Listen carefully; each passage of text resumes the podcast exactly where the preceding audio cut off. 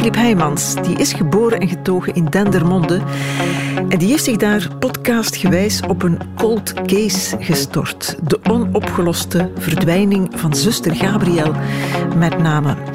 De verdwijning gebeurde 41 jaar geleden. De non gaf les aan het Sint-Vincentius Instituut in Dendermonde. Ze was populair en, of want, een beetje rebels. En op een dag was ze gewoon weg, verdwenen, nooit meer iets van gehoord of gezien. En nog altijd leeft dat verhaal onder Dendermondenaars. En Filip heeft nu een podcast over de zaak gemaakt, goed beseffend dat de kans bijzonder klein is dat het mysterie ooit ontrafeld wordt en nog kleiner dat hij daar zelf in zou slagen, dat ontrafelen. Maar interessante zaken heeft hij wel ontdekt en zo wordt het mysterie eigenlijk nog groter en de zaak nog spannender. Voorproevers. Hier gaat het dus over 41 jaar geleden in de nacht van 4 op 5 maart uh, verdween Germaine Robrechts, beter bekend als zuster Gabriel. Die gaf les op het Sint-Vincentius Instituut in Dendermonde. Was een geliefde non, want ze was contrair een beetje rebels, speelde drums in de kelder bijvoorbeeld. Kon autorijden, dat was voor nonnen ook niet zo gebruikelijk. En op een keer was ze dus weg. Van de ene dag op de andere. Ze is nooit meer opgedaagd. Gestorven is een optie, maar er is ook geen lijk. In Dendermonde vezelen ze vermoord. Misschien wel door de priester-directeur van de school. Maar ja, stadslegende, waar begint dat en waar eindigt dat 40 jaar later? Hoe oud ben jij, Filip Heijmans? Ik uh, ben er 44. Wacht, dan ben je geboren in... Heb je het bewust meegemaakt in die jaren in Dendermonde? Uh, het moment van de verdwijning niet, maar uh, ja, eigenlijk is er pas acht jaar na haar verdwijning grote aandacht voor gekomen. Vanaf 1990, toen was ik 12. En vanaf dan zat ik ook in Dendermonde zelf op school, daar vlakbij in de buurt. En dan zagen we wel dat er daar dingen rond bewogen. Bijvoorbeeld de, de, broer van zuster Gabriel, die er veel aandacht voor vroeg. Dat was in die periode. Dus ik zal het nog niet heel bewust geregistreerd hebben, maar het, het zat wel in mijn achterhoofd. En ja, ik hoorde het natuurlijk wel uh, in de familie bijvoorbeeld vertellen. Van jouw mama bijvoorbeeld, hè, die haar gekend heeft, hè, persoonlijk gekend. Ja, die leerling ja. van haar geweest is. Uh, gek dat je nu pas denkt, ik ga er eens achteraan. Ik zou er een thesis over geschreven hebben, bijvoorbeeld. Goh, nou, toen zat ik nog niet uh, zo in de justitiesfeer. Dat is ook maar iets dat later is gekomen. Nu, om eerlijk te zijn, ik heb eigenlijk al, denk zeven of acht jaar geleden voor het eerst gedacht, ik moet hier iets mee doen. Ik heb toen ook al contact gezocht met een paar mensen. Maar toen was er zo nog niet echt een goede vorm. Want ja, toen op dat ogenblik op de radio maximaal reportages van drie minuten of zo kon je nog maken. Drie, vier minuten. Ik dacht, dit verhaal verdient meer, maar er is niet echt ergens waar ik ermee naartoe kan. En toen zijn podcasts gekomen. En, en toen dacht ik, ja, dit is eigenlijk wel een ideaal verhaal. Ja, dat is een prachtig medium. Er deed zich trouwens ook een hele goede gelegenheid voor. Hè. Ze waren aan het graven aan het klooster. Op het moment dat jij dacht, ik moet daar eens iets uh, over maken. Ze waren putten aan het graven. Daar stond veel volk naar te kijken ramptoeristen dus eigenlijk. Hè? Want wat staan ze er anders te doen? Jij bent dan ook tussen die mensen gaan staan. En dit is een opname daarvan. Ik weet alleen geruchten van leerkrachten die je hoort, is dat hier ooit iemand zou verdwenen zijn. En dat mogelijk kan zijn dat hij hier nog zou ergens verborgen zitten. Weet u wie het is die er verdwenen is? Oh, je hoort verschillende verhalen. Dat zou blijkbaar een, een oudere, een, een, non zijn die hier vroeger uh, in, het, in het klooster zat. Maar meer weet ik er eigenlijk ook uh, niet van. Ik, ik, hoor wel dat dat een verhaal is dat hier in Dendermonde heel hard rondgaat. Ja, het was geen Dendermondenaar die daar stond toch ook te kijken. Waarom waren ze aan het graven eigenlijk? Met het oog op zoeken wat er onder de grond zit? Of was het puur een verbouwings... Nee, nee wel, het uh, gebouw van het klooster, of een deel van het gebouw van het klooster en de pastorie waar die priesterdirecteur uh, woonde, die werden toen afgebroken. Ze zijn daar nu een nieuwe sporthal uh, aan het bouwen voor de school die erbij hoort. En ik had daar die bouwaanvraag zien hangen en toen zelf aan het parket laten weten Zeg, weten jullie dat dat gebouw wordt afgebroken? Er wordt al lang gezegd, misschien ligt ze daar begraven, misschien zit ze ergens ingemetseld. Dus dit is wel de gelegenheid om eens te gaan graven. Het parket heeft het bekeken en gezegd: oké, we gaan nog wat geld vrijmaken. We sturen er zelf een graafmachine en uh, mensen van DVI, team uh, slachtofferidentificatie, naartoe om te gaan zoeken. Maar, maar er is niks gevonden in nee. de muren, onder de muren. En hecht jij ook belang aan die vermoordpiste? Ik denk uh, dat het de meest waarschijnlijke piste is, ja. en waarom is dat waarschijnlijk? Laten we eens terug in de tijd gaan. Ja. Hè? Ehm, wat gebeurt er precies? Die nacht van 4 op 5 maart? Ja, exact 41 jaar geleden vandaag dus. Hè. Uh, ja. Het is vandaag... Ah, het is waar. Ja. Het is 4 maart, hè. dus het is vandaag exact ja. 41 jaar geleden. Uh, wat er in de nacht is gebeurd is een beetje onduidelijk, maar we weten de avond van 4 maart. Uh, de, de kloosterzusters hebben hun avondeten gegeten. En een paar van hen zitten in de studiezaal, want het was een klooster dat bij een school hoorde. De meeste zusters gaven les in die school. Dus die zusters zitten aan hun bureautje hun lessen voor te bereiden, het toetsen te verbeteren, dat soort dingen. Zuster Gabriel was dat normaal niet. Die had een eigen kelder waar ze meestal ging zitten. En die avond was ze er wel. Plots gaat de deur van die zaal open en de priesterdirecteur komt binnengestormd met een paar papieren in zijn hand. Hij gooit die naar zuster Gabriel en hij roept: Het moet hier eens gedaan gaan zijn. En vervolgens gaat hij weer weg. Zij raapt die papieren op. Ze zou iets gezegd hebben als: Wat is er nu weer? En met die papieren is ze dan langs een andere deur naar buiten gegaan. Dat is de laatste keer dat de zusters haar gezien hebben. Dus vanaf dan is ze eigenlijk vermist. Ja. Je, uh, de, de, leerlingen zitten in de les de dag daarna. Uh -huh. weten nog van niks. Hè, want nee. Ze was ook gewoon niet ochtend. Ja. Ja, ze was ook niet opgedacht s morgens in de mis ja. uh, in het klooster. Dat gebeurde wel al eens vaker. Uh, en, en de zusters dachten ook, goh, misschien is ze er nog niet goed van dat ze zo uh, een, een, bolwassing heeft gekregen van die directeur. Maar dan inderdaad moet ze lesgeven. Ze gaf esthetica en wetenschappelijk tekenen in uh, de middelbare school. Haar leerlingen zitten te wachten en zuster Gabriel die komt niet opdagen. Nee, en dan interview je uh, jouw moeder en vriendinnen, mensen die bij haar in de klas zaten, die daar zaten te wachten, die nog les van haar gekregen hebben. En die zeggen dat kan niet, hè? Dat, ze, dat ze zomaar verdwenen is. Want er wordt al gauw een verhaal verteld dat ze is weggelopen. Dat ze een kap over de haag heeft gehangen. Dat ze er met een Italiaanse buschauffeur vandoor is. Wie vertelt die verhalen? Die, op dat ogenblik is het een beetje onduidelijk, maar die, die komen heel snel rond in de school. Uh, dus, dus de, de oud-leerlingen die daar toen zaten, die zeiden van ja, we kregen heel snel te horen, ze komt niet meer terug. Ze is zelf vertrokken uit het klooster. Ze is inderdaad ja, die Italiaanse buschauffeur. Dus zij zeiden, voor ons kwam dat vanuit de leerkrachten, de directie, maar ik heb dan ook met leerkrachten gesproken, die zeiden, het kwam vanuit het klooster. Dus van daaruit werd al heel snel de hypothese naar voren gebracht, ze is zelf vertrokken. Ja, er wordt een grote mist opgehangen, want niemand weet dat zeker, hè, dat ze zelf vertrokken is. Nee, ook in het klooster kunnen ze dat niet weten. En het klinkt ook waarschijnlijk, hè, ja. uh, van, uh, je kan het aannemen, een zuster die op dat ogenblik de naam had van heel vrijgevochten te zijn, een heel zelfstandige koers te varen binnen dat klooster, eigenlijk een atypische moderne zuster. Daarvan kan je voorstellen dat die op een bepaald ogenblik zegt, ik hou het hiervoor bekeken, ik wil mijn absolute vrijheid terug, ik vertrek vanuit het klooster. Ja, maar de leerlingen van haar en jouw moeder ook geloven mm -hmm. dat soort pistes niet, dat soort dingen. Die zeggen, ze zou ons nooit in de steek laten. Dat ja. zeg, hè, je bent hen gaan interviewen ja, voor je podcast.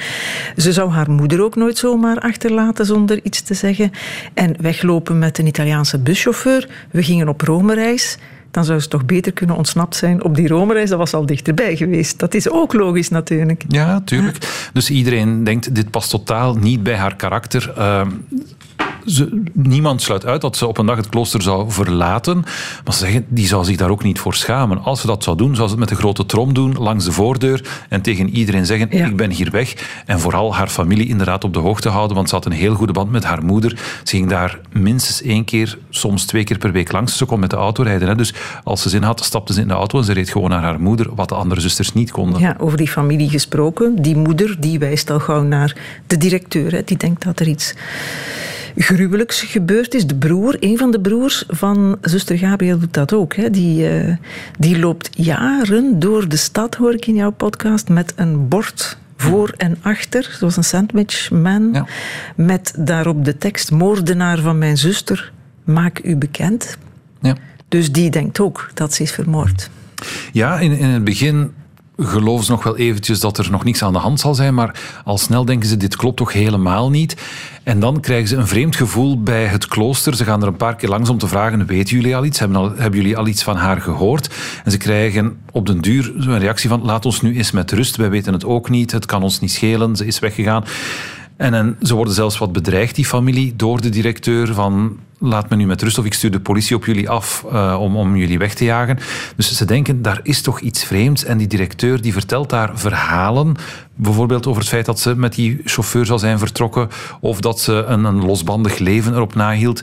waarvan die familie zegt, dit klopt niet, zo kennen wij haar niet, hier worden dingen verzonnen. En daarom beginnen ze inderdaad in zijn richting te denken. Ook al omdat ze van Gabriel dingen over hem hadden gehoord. Dat wordt mij toch gezegd door mensen die de familie kennen. Dingen die uh, er toch op wees dat die directeur van alles uitstak dat niet zo katholiek was voor een priester. Ja, die Maurice, die broer van Gabriel, is een hardnekkig. Hè? Die blijft jaren volhouden, jaren rondlopen met zijn borden in de stad. Je hebt er ook een opname van in je podcast. De plaats die is hier, in de rechtsgevangenis nummer 26 in Dendermonde. En niet het ereleven hebben met zijn homofiele vrienden een mooi en een prachtig leven uithangt. Dat is mijn mening. Door wat ze mijn zuster aangedaan hebben. Waarom het die smeerlap mijn zuster vermoord voor zijn homofiele neigingen bot te vieren. Hier is een plaats. Ja, die wil hem in het gevang. Hem is Morny, de directeur van de school, priester-directeur. Hij heeft haar vermoord, zegt Maurice, om zijn homofiele neigingen bot te vieren. Waar slaat dat op? Ja, het komt uit een andere tijd. Hè. Uh, maar er zijn inderdaad bewijzen, en, en die Morny heeft dat achteraf ook tegenover de politie toegegeven, dat hij er wel een heel uitgebreid seksleven op nahield. Hij had seksuele contacten met heel veel mannen. Er was een vriend die bij hem inwoonde, samen met uh, zijn ouders of zijn, zijn pleegouders. Dat was op zich al opmerkelijk, dat er een man met zijn ouders bij hem inwoont. En tegelijk uh, heeft de politie ook wel achterhaald dat hij nog advertenties plaatste in, in blaadjes die uh, op homoseksuele mannen gericht waren, waarin hij echt op zoek was naar wisselende seksuele contacten. Ja, dat is een vaststelling, op zich geen bewijs van moord. Of er is eigenlijk niks mis mee. Nee, het is niet strafbaar. Natuurlijk, binnen de kerk zal men daar eh, wel vreemd naar gekeken hebben. En het zou zijn carrière in de kerk geen deugd hebben gedaan. We weten dat het een man was met veel ambitie, die ooit gezegd zou hebben dat hij nog bisschop wilde worden. Dus als zijn oversten daarachter kwamen, zou het hem uh, wel geschaad hebben.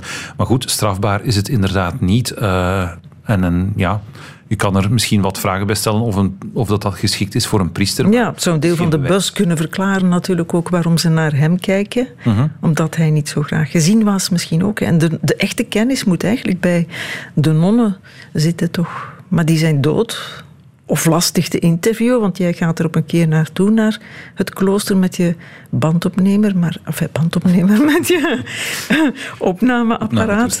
Maar, ik ben ook nog uit een andere tijd, Filip. Maar um, ja, er is nog één zuster, Godelieve, die, haar nog, die, die er ook was in de tijd dat uh, Gabriel verdween. En die vertelt dit dan, na lang aandringen. Hij heeft gezegd van, het moet hier gedaan zijn, hè? En hij smeet die papieren weg. Wij ze waren met drie of met vier zusters. Wij waren er allemaal van gedaan dat we geen woord gesproken hebben. Hij is boos weggegaan en de deur toegekletst van zijn huis terug. En daarachter is er niets meer gebeurd. Als zuster Gabriel heeft die papieren opgeraapt en in stilte weggegaan. Ze heeft niks meer gezegd? Absoluut niet. En zuster Gabriel, weet u naar waar die gegaan is? Ja, gewoon weggegaan langs de, aan, aan de andere kant, ja langs de gang van het klooster, naar het klooster teruggegaan. Dat is wat jij vertelde. Hè? Dat is het laatste wat de nonnen van haar gezien hebben. Een ruzie, ruzie tussen Gabriel en de directeur, Morny. En dan niks meer. Ja, ik was wel heel blij dat ze, dat er wel voor het eerst over gesproken hebben. Ja, Want tot nu toe hebben ze alle contact met de, de pers vermeden. En om het nu toch eens te horen van iemand die er zelf bij was op dat moment, dat vond ik toch wel heel speciaal. Ja, je bent wel een keer moeten terugkomen. Hè? De eerste keer ik heb wat vertrouwen te winnen, ja. ja. De vragen zijn, is zuster Gabriel vermoord? En zo ja, is dat door die priester-directeur Morny gebeurd? En zo ja, waarom? En waarom heeft het gerecht die zaken nooit opgelost? Dat zijn allemaal vragen die jij probeert op te lossen, Flip, in tien afleveringen van je podcast. Daardoor leeft dat in Dendermonde ook meer dan ooit. En het leefde al zo hard. Het is een stadslegende. Het is niet omdat ze het allemaal geloven, trouwens, dat het waar is, hè, dat die niet dat heeft gedaan, of dat ze is vermoord. Maar het geloof is sterk. Dat blijkt ook als je in de stadsbibliotheek van Dendermonde gaat kijken. Dat is pal bij dat uh, klooster. En daar neem je dit op. Ik denk vooral uh, als er zo dingen gebeuren die je niet echt kan verklaren. Bijvoorbeeld deuren die opengaan zonder dat er personen voor staan. Of uh, ja, apparatuur dat uitvalt. Um, het alarm dat afgaat ja. zonder dat er iets passeert. Ja, dat is wel vreemd. Dus, uh, soms zitten wij gewoon aan de balie en dan hoorde je ineens zo... En dan geen, geen persoon. Dus... Ja, dan wordt er altijd gezegd van, ah, dat zal zuster Gabriel zijn. Onder ons lachen wij daar ook wel mee. Misschien ligt zij er wel onder, wij weten het niet. Hè? Ze lachen ermee, maar ze menen het ook een beetje. Op, ja, op de school ernaast uh, wordt het nog wel eens gezegd als er een deur of een raam openwaait ja. van misschien is het de geest van zuster Gabriel die nog altijd Ja, in de school daarnaast. producer van Voorproevers, Karen van der Meulen, is daar naar school geweest. Ja. Uh, nog niet zo lang geleden, Karen is begin 30 en die zei dat ook op de speelplaats waar een berghok stond. Daar vloog de deur soms ook open, zomaar uit het niets. En dan was er geen wind en dan begon dat te klapperen. En dan zegden die meisjes ook tegen elkaar, zuster, dus ze gaan ervan uit dat ze dood is en dat ze daar ergens begraven ligt en dat ze spookt ook nog eens. Geloven ze in Dendermonde dat ze het ooit nog gaan weten? Er zijn veel mensen die denken dat ze het weten, alleszins. Ja, ja. Maar of, of ooit met volledige zekerheid naar boven zal komen. Ik, ik, ik, weet het niet. Ik denk dat de podcast kan helpen om, om er wat zicht op te krijgen van wat er naar alle waarschijnlijkheid gebeurd zal zijn. Maar natuurlijk, ja, de, de belangrijkste betrokkenen zijn intussen allemaal overleden, kunnen er zelf niet meer over spreken. Dus je zit vaak met verhalen uit tweede hand. Mensen die denken dat ze zich dingen herinneren van 40 jaar geleden, maar ja, hoe zuiver zijn die herinneringen nog? Ik denk dat het een beetje nu of nooit is om het nog te achterhalen. Ja. Maar ja, of, of, of het ooit helemaal naar boven zal komen, ik weet niet of er mensen zijn die het nog echt geloven. Oké, waar waren we in dat alsmaar ingewikkelder verhaal eigenlijk van de verdwijning van zuster Gabriel 41 jaar geleden, dag op dag? Dat heb jij net ontdekt, Philip Heijmans, die de podcast heeft gemaakt in 1982, de nacht van 4 op 5 maart in het Sint-Vincentius-instituut met nonnenklooster in Dendermonde van de ene dag op de andere. Dus er is veel buzz in Dendermonde. Met vlagen plopt dat soms weer op, zoals nu. Hè, nu Filip Heijmans mhm. er een podcast over heeft gemaakt om te achterhalen, om te beginnen wat er waar is van al die geruchten. Dat de directeur van de school, priester uh, Morny, haar heeft vermoord, is het oppergerucht, zullen we zeggen. Ja. Maar er is niks bewezen. En Gaston Morny is dood. Er waren nog meer mensen trouwens die zuster Gabriel niet mochten, heb ik begrepen uit jouw podcast. Er waren andere nonnen die zo'n rebelse non ook een beetje scheef bekeken, liever kwijt dan rijk waren. Ja, uh, de, de politie zei dat ook. Je had er ook wel wat jaloezie, zoals je op elke werkplek hebt, zeiden ze. Maar natuurlijk, zij had een vrijgevochten positie. Blijkbaar stond ze nogal dicht bij de vorige moederoverste en die had haar wel wat vrijheden gegund. En ze kon natuurlijk autorijden, dus zij ging de boodschappen doen voor het klooster en maakte daar dan gebruik van om meteen eens bij haar familie binnen te springen of wat autoritjes te gaan doen. Eigenlijk ging ze en kwam ze zoals ze zin had. Ze moest natuurlijk wel haar eh, werk in de school doen, maar daarbuiten had ze heel veel vrijheid, kwam soms pas laat s'avonds terug in het klooster, ging al eens een pint drinken op café. En ja, daar zullen andere zusters, jongere zusters, die zich eh, braaf aan de regeltjes moesten houden, wel met de grote ogen naar gekeken hebben. En op het ogenblik van haar verdwijning zie je ook wel dat er zusters zijn die toch ja, een beetje over haar beginnen te roddelen tegenover de politie. Om te zeggen van ja, maar het was toch ook niet helemaal een zuivere zuster. En ze deed wel dingen die niet echt passen voor een zuster. Dus daar speelde wel een beetje een, een strijd binnen dat klooster, denk ik. Mhm. Maar is jaloezie een motief voor moord? Enfin, ja, dat kan. Hè? Het kan. Het valt niet uit te sluiten. Maar de, ik denk dat er op dit ogenblik geen sterke aanwijzingen zijn dat een van de zusters daar echt de dader van zal zijn. Er moet vroeger in 82 ook gezocht zijn. toen ze verdwenen was, dat werd ook aangegeven, toch?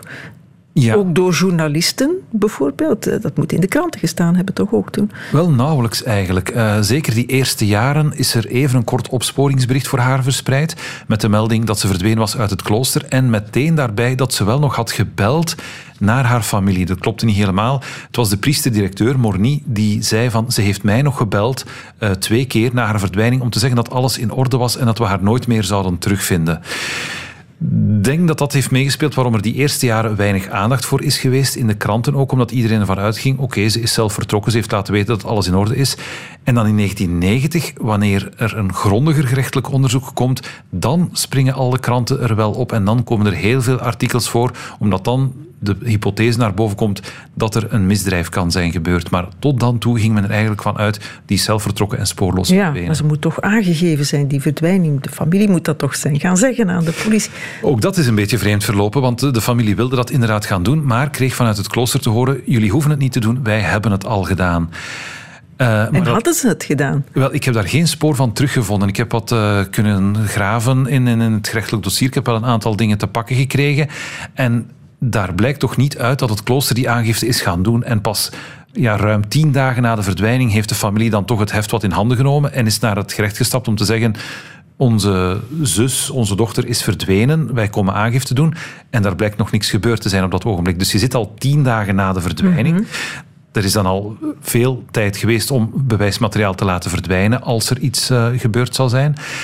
En dan duurt het nog eens een paar weken voor de politie echt langs gaat in het klooster om te gaan horen wat is hier nu eigenlijk aan de hand. Ja, want dat is ook een raar verhaal. Hè. De politie is er dan, de zaak is aangegeven, neem ik aan. Er zijn nog mannen die leven, hè, die toen bij de Ja. politie werkten, die nu gepensioneerd zijn, die toen werkten bij de politie.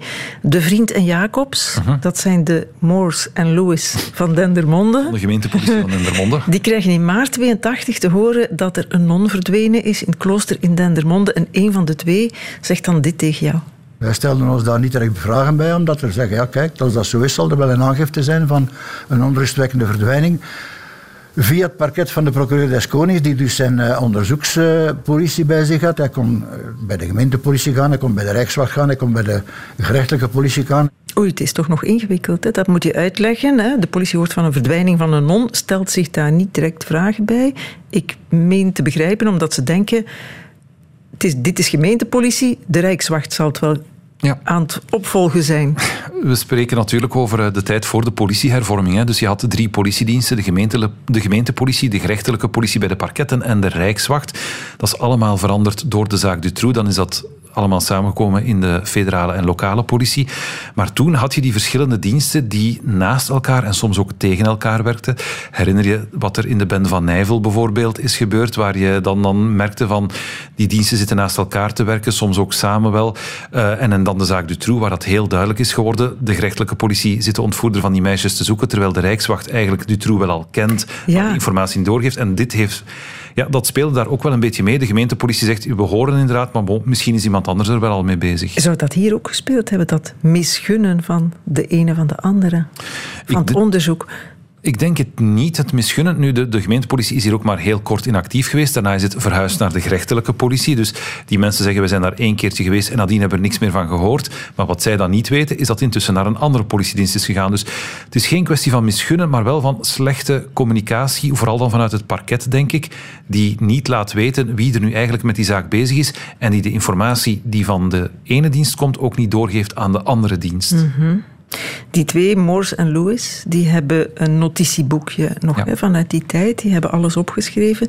Een van die twee zegt ook in jouw podcast, we hebben de eerste vaststellingen dan gedaan. Uiteindelijk zijn we toch in gang geschoten. Mhm. Eerste vaststellingen gedaan, maar dat waren dan al tweede, derdehands vaststellingen natuurlijk. Want we zijn al... die, eh, 25 eh, dagen, denk ik, na de verdwijning mogen ze voor het eerst, en dus eigenlijk ook nog twee weken nadat de familie aangifte is gaan doen, dan mogen zij voor het eerst eens in het klooster gaan horen van wat is hier nu eigenlijk gebeurd. En dan krijgen ze moeder Overste te spreken en die priesterdirecteur Morny en verder niemand. Dus die zeggen tegen hen van kijk, ze is vertrokken.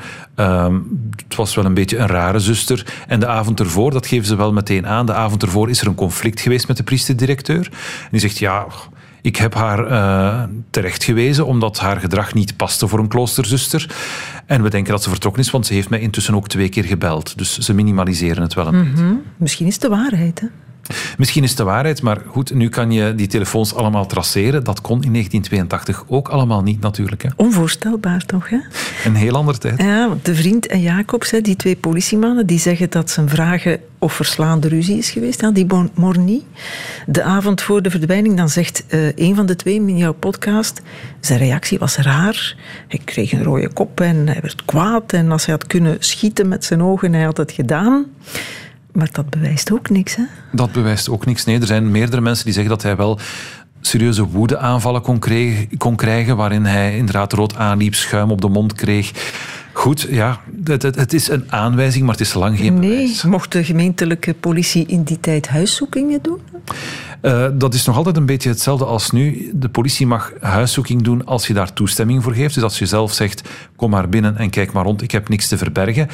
Of als ze een bevel hebben van iemand van het parket of van een onderzoeksrechter. Dus ze moeten wel uh, ofwel gedekt zijn door een bevel van een magistraat, ofwel moet je het met toestemming doen. En op dat ogenblik uh, hadden, ze de, hadden ze die toestemming niet. Ze hebben gevraagd, mogen we binnenkomen? En er is dan gezegd, nee, het mag niet. En ze hadden ook geen dwangbevel om dat te doen. Ja, en nog iets raars. Ze moeten hun PV opmaken onmiddellijk en dat dezelfde dag gaan afgeven bij de eerste substituut thuis. Uh -huh. Ook compleet ongebruikelijk. Vonden zij wel, ja, ja. dat het uh, heel ongebruikelijk was. Nu, ik heb ook met de dochter van die eerste substituut gesproken. Die zei, ja, mijn vader die, die deed wel ook al eens aan telewerk. Dus het kon zijn dat er bij ons thuis iets werd afgegeven. Maar die politiemensen zijn wel met het gevoel blijven zitten. Het moest bij hem thuis zijn, zodat hij het kon wegmoffelen. Ik, ja, het, het, PV zit wel degelijk in het dossier. Ik heb het daar ook gezien. Maar uh, het is, wat ik daarnet zei, het is wel niet doorgegeven aan de mensen van de gerechtelijke politie die nadien het onderzoek hebben overgenomen. Dus het is bij hem gebleven en de speurders die nadien zijn langsgekomen hebben niet geweten wat die mensen van de gemeentepolitie daar te horen hebben. En wat zou daar de reden van geweest zijn? Goh, misschien wilde die, die eerste substituut wel alle informatie bij zich houden. Er wordt mij gezegd, was een heel autoritaire man. Iemand die niemand vertrouwde, die altijd de touwtjes zelf in handen wilde hebben. Dus misschien dacht hij, ik zal alle informatie wel bundelen en daar mijn conclusies uittrekken. En die politiemensen die moeten vooral doen wat ik hen vraag en niet te veel zelf nadenken. Zo wordt hij mij ook wel omschreven. Als je natuurlijk verder denkt, zou je ook kunnen zeggen, misschien wilde hij wel dat er niet te hard gezocht werd en, en dat die zaak niet opgelost ja, raakte. Dat is een van de dingen die dan gezegd worden. Als we streepjes zetten bij alle misschienen die hier worden uitgesproken, dan hebben we een blad vol. Ik denk het, ja. En dat maakt het uh, allemaal er niet eenvoudiger op. Ja, ik laat nog één man horen, uh, voor we nog een plaat draaien. Alain Remu, die iedereen kent, die zit ook in jouw uh, podcast, die zegt het volgende. Men lag daar precies minder van wakker. Zeker wanneer het ging over volwassenen. Ik ga u meer zeggen, wat ik mij ook nog herinner. Dat is wanneer iemand naar de politie ging om een aangifte te doen van de verdwijning van een meerderjarige persoon, dat men daar meestal als antwoord kreeg ja, uh, weet je wat, we gaan even die naam opschrijven, maar de eerste 24 uren, ja, dan wachten we toch sowieso alvorens dat we iets gaan doen. Vandaag hebben we dat volledig omgedraaid, door de Dutroux, niet dankzij Dutroux, want die eer gun ik hem nooit. Vandaag zeggen wij dat tijd cruciaal is en dat de eerste 24 uren essentieel zijn om u maar te zeggen, het was een compleet, maar dan ook een compleet andere tijdsgeest. Ja, andere tijdsgeest. Jaren tachtig, het lijkt een eeuw geleden, niet meer te geloven. Wat een amateurisme. Toch ook, of mag ik dat zo niet noemen? Ja, als je er met de ogen van vandaag naar kijkt, dan is dat wel zo. Tuurlijk, de technische middelen waren veel beperkter. Uh, maar, maar goed, in die tijd dacht men, er verdwijnt iemand. Goh ja, die zal wel weer opduiken zeker. En dat heeft Dutroux dan weer veranderd. En, en sindsdien zou het toch allemaal veel professioneler moeten gaan. Zijn er bij elke politiezone mensen gespecialiseerd? Zijn er bij elk parket magistraten gespecialiseerd? Je hebt die zelfvermiste personen. Dus ja, door Dutroux om de woorden uh, van ja, niet dankzij. niet dankzij Dutroux. Maar er is wel veel veranderd en er wordt wel veel professioneler mee omgegaan. Mm -hmm. Amateurisme, misschien ook slechte wil. Ik zet een streepje bij. misschien sabotage, nog een streepje.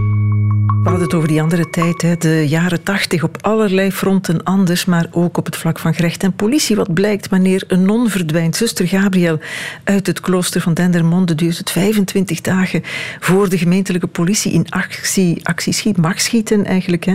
Stelt hij zich daar ook geen vragen bij, omdat ze denkt dat andere politiediensten er wel mee bezig zullen zijn. Wordt er nogal licht gegaan en gedaan over de verdwijning van een meerderjarige en wordt er met veel buikgevoel vastgesteld maar daar wordt ook niks mee gedaan. Welke zaken zijn zo nog misgelopen, uh, Filip Heijmans? Of niet efficiënt behandeld? Dutroux natuurlijk, bende van Nijvel. Ja, ja. ja. Dus, je hebt natuurlijk uh, heel die, die lode sfeer in de jaren tachtig, waarbij... Ja, ik denk dat dat misschien ook wat bijdraagt tot dit mysterie. In 1990 uh, wordt dan ontdekt dat dit in de jaren 80 zo'n beetje ondergeschoven is. En dan, dan zit je in heel die sfeer, de bende Hamers, uh, de, de bende van Nijvel, de CCC, al die verhalen uit de jaren 80 waar zo altijd een waas van mysterie hoog geplaatst rond hangt. Uiteindelijk bij zuster Gabriel krijg je ook zo een beetje die sfeer van misschien zitten er wel hooggeplaatsten achter die beschermd moesten worden. Ja, En welke hooggeplaatsten zijn dat dan? Wie dat- kent wie in dat verband? Er wordt natuurlijk gezegd, het speelt zich af binnen eh, de kerk. En dan, dan wordt er gezegd, ja, je hebt die, die priester Morny, die dan de eeuwige verdachte is in deze zaak. Eh, Werd hij misschien door de kerk wel beschermd, waardoor er nooit echt een... Ja, hij is nooit in verdenking gesteld, hè, voor alle duidelijkheid. Die man is nooit aangehouden, is nooit in verdenking gesteld, nooit voor de rechter gebracht. En dan hoor je wel de, de vraag van, kijk, als er toch veel aanwijzingen zijn tegen die man, waarom is dat dan niet gebeurd? Werd hij op de een of andere manier in bescherming genomen? Dat kan, hè? het zou gekund hebben.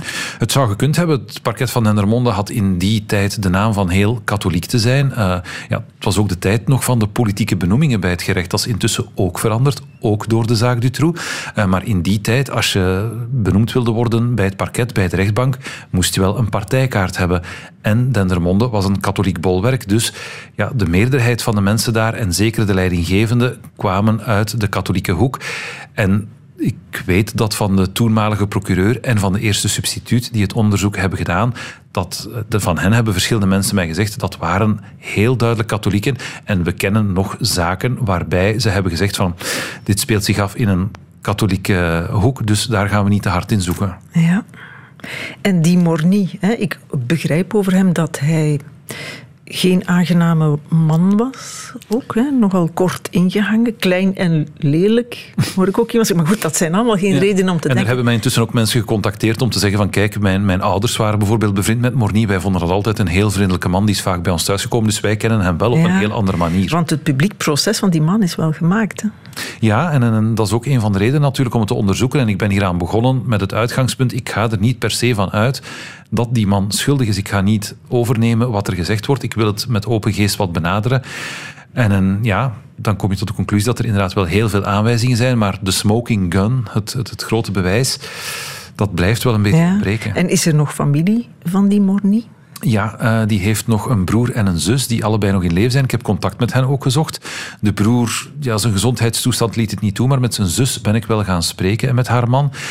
Ik heb hen niet mogen opnemen, helaas. Ik heb wel mogen vertellen wat ze mij verteld hebben. En ja, zij, zij blijven rotsvast overtuigd van de onschuld van, eh, van hun broer. En zeggen, hij wordt zwart gemaakt door mensen die eh, van hem geprofiteerd hebben. Hij heeft daar een einde aan gemaakt. En vanaf dan zijn zij hem beginnen af te schilderen als de man die achter die verdwijning van zuster Gabriel zit. Maar daar is helemaal niks van. Ja, ik zou het ook zo opnemen voor mijn broer. Uiteraard, ja. als, als, je, als het gaat over iemand van wie je houdt en, en die je helemaal anders kent en een, ja, van wie je geen enkele reden hebt om iets anders aan te nemen, dan ga je die uiteraard verdedigen. En dan nog, als ze vermoord is, waar is haar lichaam naartoe? Ja, dat maakt het ook moeilijk. Hè? Als je nu een lichaam zou vinden en je kan daar forensisch onderzoek op doen en, en dan kijken wat is hier gebeurd. Maar dat is er ook allemaal niet, dus er ontbreekt heel veel. Want mensen komen nu nog altijd naar je toe, zeker sinds de podcastreeks, Ja. en vertellen dan nog eens wildere verhalen. Erbij dat ze in de verwarmingsoven van de school zou zijn gestoken, verbrand, dat ze daar beenderen hebben gevonden, valt niet meer te onderzoeken. Die oven is ook weg intussen. Ja, maar het is wel iets dat al heel lang wordt gezegd, die oven, omdat zij in een kelder zat. Eh, dus ze had daar een drumstel staan bijvoorbeeld, ze, ze had daar een keramiekoventje. Maar vlakbij haar kelder was dus ook de verwarmingsinstallatie van de school. Zij moest die 's morgens ook aanzetten. En dan wordt er gezegd, ja, stel dat ze tijdens een ruzie in haar kelder om het leven is gebracht, dan ben je misschien het snelste van het lichaam af door het in de oven te gooien. Het was een heel grote installatie, dus in theorie zou het misschien wel kunnen. Maar goed, we kunnen het inderdaad niet meer achterhalen, Nee. die oven is kort daarna eh, verdwenen. Stel dat dat nu gebeurd zou zijn, hè, Philippe? Omdat we voortdurend zeggen het waren andere tijden. Dat was compleet anders en veel amateuristischer toen. Zou het nu opgelost geraakt zijn? Als men er veel sneller bij was, alleszins, hè, als, als politie en gerecht veel sneller in actie waren getreden. Ik denk dat de familie van zuster Gabriel, die zei, dit klopt niet, dat die sneller zou zijn geloofd. Alain Remu zei het mij ook. Als een persoon verdwijnt en niemand had dat verwacht, nu zou dat meteen een alarmsignaal geven. Dus we zouden meteen gaan zoeken. Dat is één. Ik denk dat er ook minder schroom zou zijn om in die katholieke wereld om in dat klooster te gaan zoeken. Eh, de tijden zijn ook daar veranderd. Dat is dan niet door Dutroux, maar dan wel door eh, de zaak van Geluwe en, al de, de misbruiksschandalen in de kerk die naar boven zijn gekomen. Uiteindelijk zegt iemand van het parket wel in mijn podcast van kijk, vandaag zou ik in eer en geweten met wat ik nu heb die man voor het- voor het Hof van Assise brengen. Ik weet niet of hij veroordeeld zou raken, maar ik zou het wel proberen. Ik denk, als je een priester in de jaren 80 en zelfs in de jaren 90 voor een assisenhof brengt en je zegt ik heb geen lichaam ik heb geen bekentenis en ik heb geen hard bewijs, dan is de kans heel groot dat hij wordt vrijgesproken. Vandaag, na alle schandalen die je hebt gehad in de kerk, zou de geest van die assisejury misschien wel helemaal anders zijn. En zou die misschien zeggen, ja, het is een priester, dus de kans is wel groot dat hij iets mispeurt ja, heeft. Ja, ja, maar wat is beter? Hè? Welke houding is... Stel dat jij in die jury zit en je hebt wat je nu hebt. Wat stem jij? Ik heb er met mijn eindredacteur ook lang over gediscussieerd. We zijn er niet helemaal uitgeraakt. Ik denk dat ik hem... Ik zou twijfelen, ik zou hard twijfelen, maar en het zou ook afhangen van wat hij nog tijdens het proces allemaal zegt, hoe zijn houding daar is. Wat, want tijdens een assiseproces komt er natuurlijk van alles naar boven. Dat gaat een eigen leven leiden. Ik, ik sluit niet uit dat ik hem dan uiteindelijk wel schuldig zou bevinden. Het is nog gebeurd, hè? zonder bewijs. Denk aan de parachutemoord. Hè? Daar, die, dat proces heb ik bijgewoond. Ik denk dat daar nog wel wat meer bewijs was en een, een maar ik denk, ja, tot op zekere hoogte kun je het hier misschien wel mee vergelijken. Wil je nog tips of ben je het beu? Die zijn zeker welkom. Ik heb een mailadres, waar is zustergabrielle.vrt.be. Dus mensen die luisteren en die denken, hier weet ik meer van, die mogen mij daar zeker altijd op contacteren. Je weet niet wat je nu vraagt, hè? maar misschien zit de gouden tipper wel bij en dan is het allemaal de moeite waard. Ah, mooi zo iemand die de moed niet verliest tot het is opgelost. We hebben nog maar een heel klein greepje verteld uit al die verhalen die de ronde doen in Dendermonde en in jouw podcast Waar is zuster Gabriel? Als jou mailen is het LLE geschreven, maar, Gabriel was Gabriel. geschreven, net te vinden op VRT Max. Ik heb er veel mooie uren mee doorgebracht, eh, waarvoor veel dank, Filip Heijmans.